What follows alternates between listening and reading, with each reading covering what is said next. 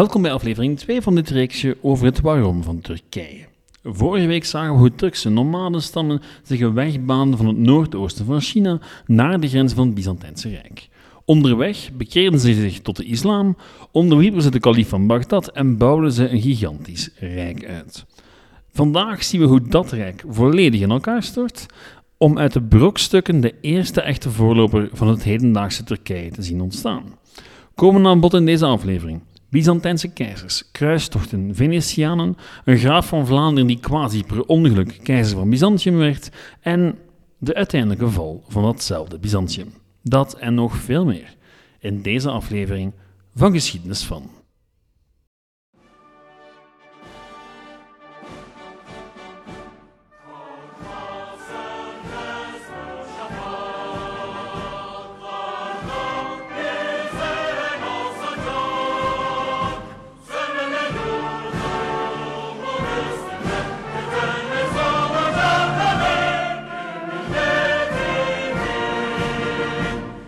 Vorige week waren we geëindigd bij de slag van Manzikert en de chaos waar het Byzantijnse Rijk vervolgens in werd ondergedompeld. Al was die chaos niet 100% de schuld van het Seljuk Sultanaat. Ja, ze hadden de keizer een zware nederlaag toegebracht en hem zelfs gevangen genomen, maar initieel deed men maar weinig met die overwinning. Keizer Romanos werd al na een weekje gevangenschap vrijgelaten in ruil voor een forse som geld en wat grondgebied. Verre van een totale ramp eigenlijk. Waren het niet dat er al een hele tijd interne twisten waren in Byzantium. Twisten die met de nederlaag van de keizer opnieuw hoog oplaaiden. Binnen de tien jaar na de nederlaag stond het hele keizerrijk zowat op instorten. Wat het niet zou doen. Niet echt in elk geval. Het keizerrijk zou officieel nog blijven bestaan tot 1452. En waarom het nog zo lang duurde en wat er uiteindelijk in de plaats zou komen, daar hebben we het vandaag over. Het is een fascinerend verhaal dat niet enkel over de Turkse stammen gaat, die uiteindelijk van Anatolië hun thuis zouden maken, de voorgangers van de hedendaagse Turken. Zowat iedereen die tijdens de latere middeleeuwen van belang was in Europa en de Arabische wereld, passeert de revue in dit verhaal. Pausen, Duitse keizers, Byzantijnse keizers, koningen, doosjes van Venetië, graven van Vlaanderen, een hele collectie sultans, hopen specerijen en andere goodies uit het Verre Oosten. Of hoe de geschiedenis van wat later Turkije zou worden, evengoed Europese geschiedenis is.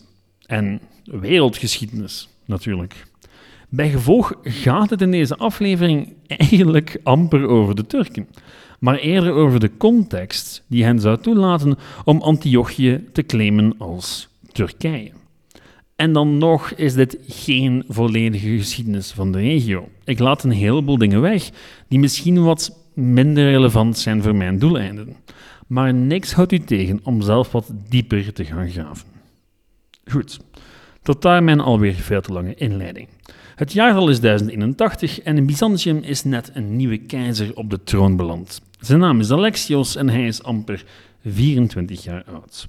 Hij komt uit een zeer prestigieuze familie die al eens een keizer had geleverd en komt aan de macht samen met zijn oom. Nu, op dat moment lijkt het Byzantijnse Rijk een gewond dier.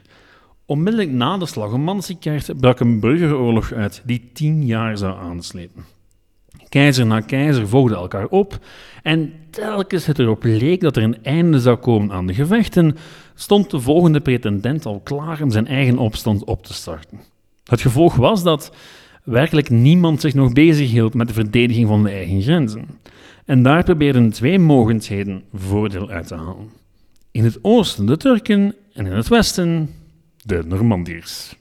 Klinkt vreemd, had u waarschijnlijk niet zien aankomen, maar rond deze periode waren die Normandische bengels bezig aan een angstaanjagend succesvolle poging om zo machtig mogelijk te worden over de hele westerse wereld. Over de hele Middellandse Zee waren er Normandische krijgsheren die zichzelf uithuurden of, bij gebrek aan betaling, probeerden om een eigen rijkje te stichten. In het zuiden van Italië bijvoorbeeld had zo'n Normandische dynastie de macht gegrepen om vervolgens een blik te werpen op hun buren aan de overkant van de Adriatische Zee en te besluiten dat ook die gebieden best wel mooi waren en klaar waren voor Normandische verovering. Het verhaal van al die Normandische verovering is absoluut fascinerend. Of het nu gaat om Sicilië, Engeland of Kroatië, ze wisten echt wel niet van ophouden. Nu goed, het is voor een andere keer. Feit is dat toen Alexios aan de macht kwam, het rijk op zijn grondvesten daverde. In het oosten hadden Turkse commandanten van de gelegenheid gebruik gemaakt om het Anatolische hartland binnen te trekken en er een heleboel steden en gebieden in te nemen. De aanvoerder van die troepen, Sulamai ibn Kutulmish, riep vervolgens zichzelf uit tot sultan van Rum, oftewel sultan van Rome. En daarmee stichtte hij het eerste Islamitische Rijk dat zich min of meer spiegelde aan het Romeinse Rijk en aan alle glorie en eer die daarmee gepaard ging. Nu, onze vriend Alexios zat dus met een huizenhoog probleem. Tegen 1085 had hij de Normandiërs terug weten te duwen, maar met de Turken, ja, met de Turken was hij nog lang niet klaar. En hij bedacht een oplossing. Nu, de oplossing zou erger blijken dan het probleem. Maar goed, hij had nu eenmaal een gigantisch probleem. En hij besloot, kijk, Byzantium heeft militaire hulp nodig, militaire slagkracht. Want na al die burgeroorlogen en de gevechten met de Normandiërs zijn mijn legers uitgeput. Dus ik moet ergens de mankracht gaan halen. En hij besloot om hulp te gaan zoeken bij zijn medechristenen in het Westen.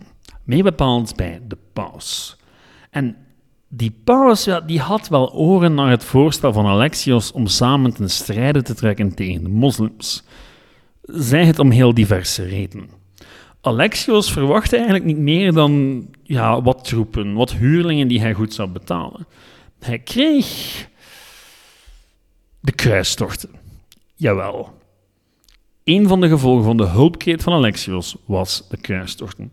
Ja, de paus had ook andere ambities. Het verstevigen van zijn eigen macht in Europa, de vorsten van Europa tegen een gemeenschappelijke vijand laten vechten in plaats van tegen elkaar, meer controle krijgen over de Oosterse kerk en zo verder. Maar had hij opgeroepen tot een kruistocht als Alexios er niet om had gevraagd? Moeilijk te weten. Feit is dat in 1095 Paus Urbanus II opriep tot een door God gesanctioneerde militaire expeditie naar het Heilige Land. Jeruzalem dus, wat niet in het hedendaagse Turkije ligt. Maar goed, er werd wel een passage gepland langs Anatolië om de Turken een lesje te leren en het Byzantijnse Rijk een handje toe te steken. En zo geschiedde dus. Al zijn er wel een paar dingetjes te zeggen over die kruistochten. Daar wijd ik vroeg of nog wel een degelijke aflevering aan. Maar belangrijk om nu te weten is dat Alexios geen idee had wat er allemaal aankwam. De eerste kruisvaarders die hij zag, dat was een volkskruistocht. Een volkskruistocht die bestond uit enthousiaste gelovigen die verlost zouden worden van hun zonden en spontaan op kruistocht waren getrokken zonder te wachten op het professionele ridderleger, met onder meer Godfried van Bouillon. Dus ja, die meute die streek neer rond Byzantium, wachtende op hulp om de oversteek te maken en op te rukken naar het Heilige Land. En Alexios zat ermee. Nu, hij besloot om ze maar gewoon over te zetten naar de overkant, naar Anatolië. En, god ja, wie weet zouden ze van betekenis kunnen zijn. Gevolg, uh, de sultan van Rum, Alp Arslan, hakte ze in de pan. Dat maakte hem een beetje overmoedig en bij gevolg werd hij zelf verslagen toen het professionele leger arriveerde. Nu, dat professionele leger, ja, dat werd geleid door de grootste ridders en veldheren van die tijd. En zij sloten een deal met Byzantium. In ruil voor hun hulp zijn de troepen, maar ook bevoorrading, gidsen en dergelijke meer, zouden ze al het gebied dat ze heroverden, dat vroeger in het Byzantijnse Rijk lag, teruggeven aan de keizer. Mooie deal, toch? Nu, uh, het liep niet helemaal zo. Zoals afgesproken nam de keizer grote delen van het Anatolische hartland terug in en brak er al snel ruzie uit over hoeveel grondgebied de kruisvaarders nu eigenlijk voor zichzelf mochten houden en hoeveel ze moesten afstaan. Natuurlijk. Wat onmiddellijk al duidelijk maakt dat de relatie tussen die twee niet over rozen liep. Antiochië, een fantastische grote stad in die periode, werd een westers prinsdom en ging niet terug naar de Byzantijn, tot grote frustratie.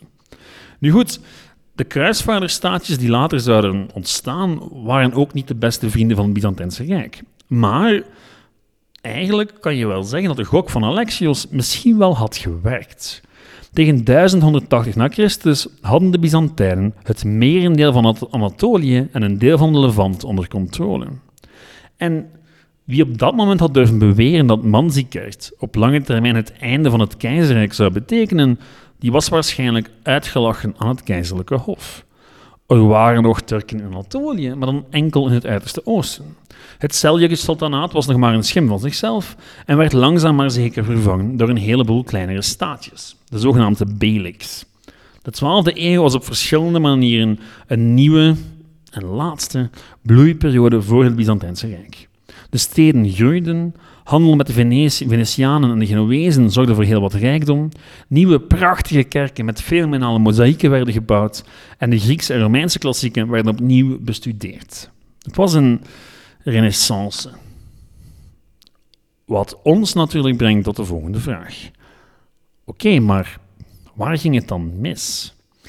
Korte samenvatting: burgeroorlogen, vervanging van het eigen leger door onbetrouwbare huurlingen, kruisvaarders en de Turken. En al die zaken zijn gelieerd met elkaar. Het ene zette vaak het andere in gang en vice versa. De nederlaag bij Manzikert werd mee veroorzaakt door interne twisten en onbetrouwbare huurlingen. Manzikert zet een hele reeks burgeroorlogen in gang die leiden tot gebiedsverlies aan de Turken, wat meeleidde tot de komst van de kruisvaarders. En nu zijn we aangekomen bij de vierde kruistocht. Tussen de eerste en de vierde kruistocht hadden kruisvaarders zich gevestigd in het Heilige Land en er kleine staatjes opgericht. Op zich waren die niet zo groot of belangrijk, maar ze zorgden wel voor veilige havens voor de ontluikende handel in specerijen, waar Venetië en Genoa rijk mee zouden worden. En ja, ook de specerijhandel en Venetië spelen een rol in dit verhaal. Ingewikkeld, niet? Goed, alles waar we het toch nog toe over gehad hebben, gaat meebepalen waarom Turkije Turks zal worden. En niet Grieks zal blijven, of Romeins, afhankelijk van je voorkeur. Nu, met die vierde kruistocht komt de neergang van het Byzantijnse Rijk in een stroomversnelling terecht. Oké, het gaat nog een kleine 250 jaar duren eer de Turken Byzantium ook daadwerkelijk innemen, maar de val van het Byzantijnse Rijk wordt, achteraf gezien in elk geval, min of meer onvermijdelijk. Wat gebeurt er dan in die vierde kruistocht dat zo dramatisch is? Wel, korte context. Tegen 1200 hadden de kruisvaarderstaatjes het knap lastig gekregen.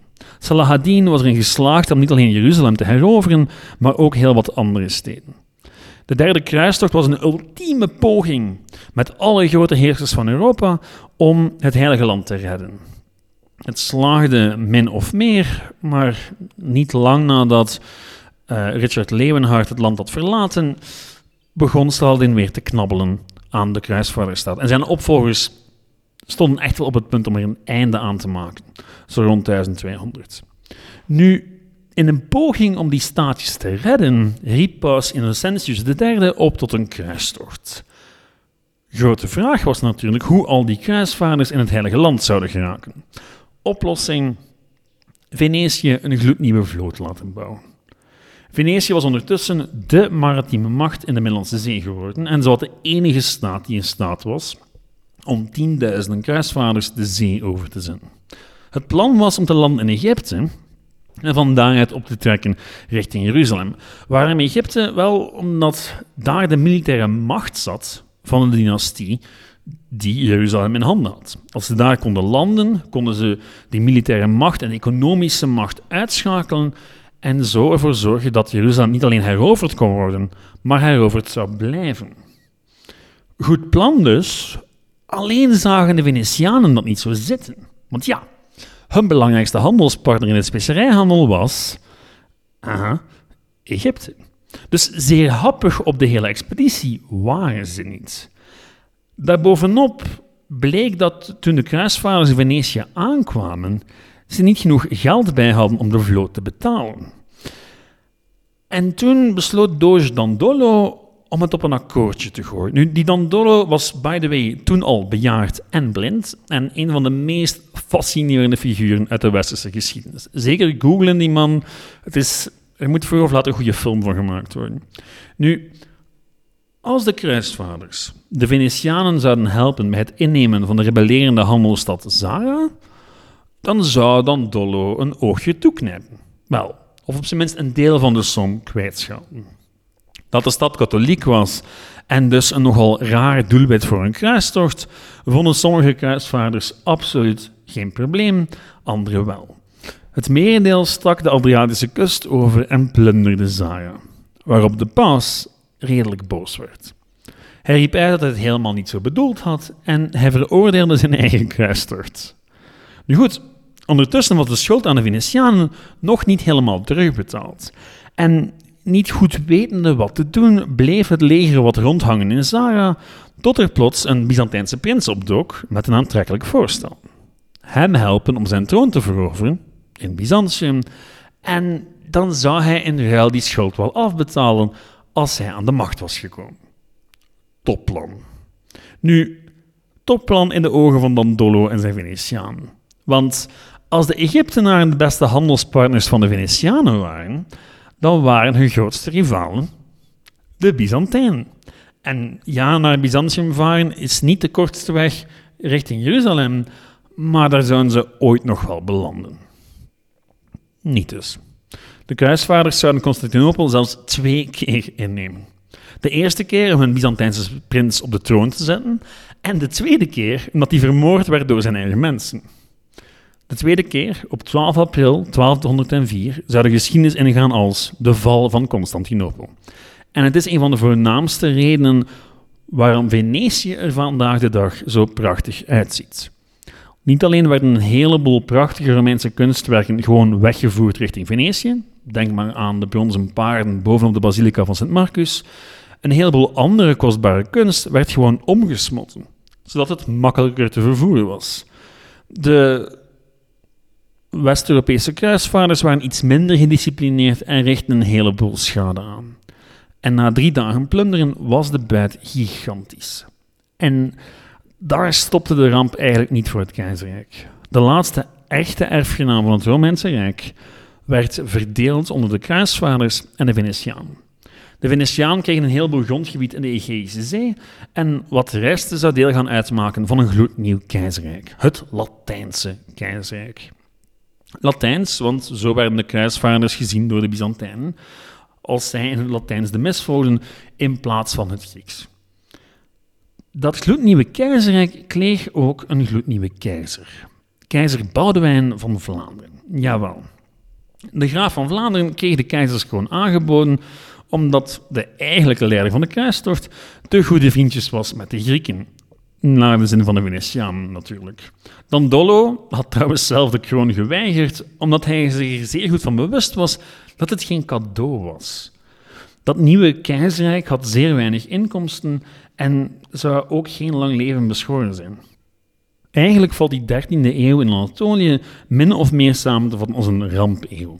Voor zowat iedereen. Het jonge Latijnse keizerrijk werd langs alle kanten bestookt en al in 1205 stierf Boudewijn I, keizer van het Latijnse Rijk, in een Bulgaarse gevangenis. Wat resten van het Byzantijnse Rijk probeerde krampachtig haar verloren territorium en hoofdstad terug te winnen. Iets waar de Turken natuurlijk gebruik van maakten om territoriumwinst te maken. Al liep ook bij hen niet alles van een lijn dakje. Want ja, wie komt er zo midden der 13e eeuw de geschiedenisboekjes binnenwaaien? Jawel, nog een nomadisch volk dat van de steppen van Centraal-Azië het Midden-Oosten komt veroveren. De Mongolen. En die maken kom af met de Seljuken en ontwerpen zowat heel Turks Anatolië. Naarmate de tijd verminderde de grip wel weer en kreeg je die onafhankelijke Turkse staatjes, de zogenaamde Beyliks. Maar dat is voor later. Want er is daar eentje van, een kleintje, dat nog heel belangrijk zal worden. Dat van de Ottomaan. Die zullen van de gigantische chaos in Anatolië gebruik maken om alle andere fracties aan zich te onderwerpen. De val van Byzantium aan de kruisvaarders en de Venetianen was het begin van het einde, maar dan nog zou het bijna 250 jaar duren vooraleer de genadeslag zou komen voor het Byzantijnse Rijk. Ergens ook wel opmerkelijk, want de hoofdstad was geplunderd, de opvolging complete chaos, maar van opgeven wou men blijkbaar echt niet weten. Vanuit Nicaea zou men langzaam maar zeker oprukken richting Constantinopel, tot de stad weer in Byzantijnse handen viel in 1261. Terwijl men echter focuste op het Latijnse keizerrijk, verloor men het oosten volledig uit het oog. Met als gevolg dat er ruimte kwam voor een nieuw rijk. Eentje dat niet alleen haar stempel zal drukken op de hedendaagse Turkije, maar evengoed Centraal-Europa, de Balkan, Noord-Afrika, Egypte en het hele Midden-Oosten. Natuurlijk is het Ottomaanse Rijk de belangrijkste voorganger van het hedendaagse Turkije. Maar er is een belangrijke nuance. Dat Ottomaanse Rijk en het hedendaagse Turkije zijn twee heel verschillende dingen. Tussen het multiculturele Ottomaanse Rijk met al zijn minderheden en het nogal Turkse Turkije gaat een grote kloof. Het is geen eenvoudig verhaal, maar om het hedendaagse Turkije te begrijpen, moeten we wel degelijk kijken naar dat grote Ottomaanse Rijk. Want het is uit de ruïnes van dat rijk dat Turkije zoals wij het kennen tevoorschijn zal komen. Goed, dat was het voor vandaag. Ik begin zo langzaamaan het vermoeden te krijgen dat dit reeksje vijf afleveringen zal nemen in plaats van drie. Wie had dat verwacht? Maar goed, er is gewoon nog zoveel om het over te hebben. De Ottomaanse sultans, hoe die op het punt stonden om heel Centraal-Europa te veroveren, hoe dat net niet lukte, en de eeuwen van langzaam maar onvermijdelijk verval die resulteerden in de ondergang van het Ottomaanse Rijk en de geboorte van iets nieuws. Dat is voor volgende week. Bedankt voor het luisteren. Reageren kan via geschiedenisvan.outlook.be of de Facebookpagina Geschiedenis van. Tot volgende week. Ciao!